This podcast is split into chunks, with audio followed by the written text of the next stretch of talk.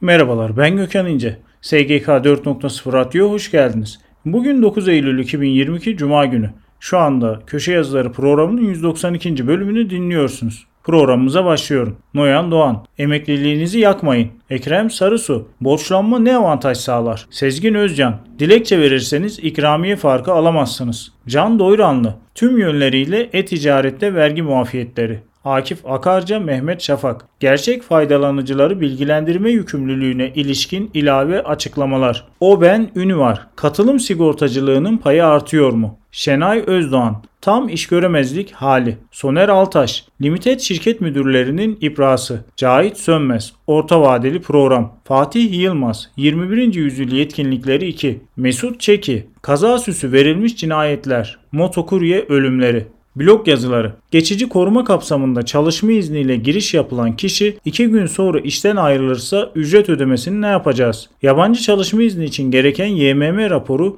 bir önceki yıla ait olabilir mi? İşçiye sağlanan özel sağlık sigortası yardımı ya da hayat sigortası prim ödemeleri de parayla ölçülebilen menfaatler kavramına dahil olup kıdem tazminatına esas ücrete eklenmelidir. Araç değer kaybı tazminatı, emsal yargıtay kararları, sigortanın ekonomideki önemi. Ben Gökhan İnce. SGK 4.0 Radyo'da Köşe Yazıları programının 192. bölümünü dinlediniz. Programımızda yer verdiğimiz köşe yazılarının detaylarını e-posta bültenlerimizde bulabilirsiniz. E-posta bültenimizi görüntüleyebilmek ve üye olabilmek için LinkedIn hesabımızı veya internet sitemizi ziyaret edebilirsiniz. Bir sonraki yayında görüşmek üzere.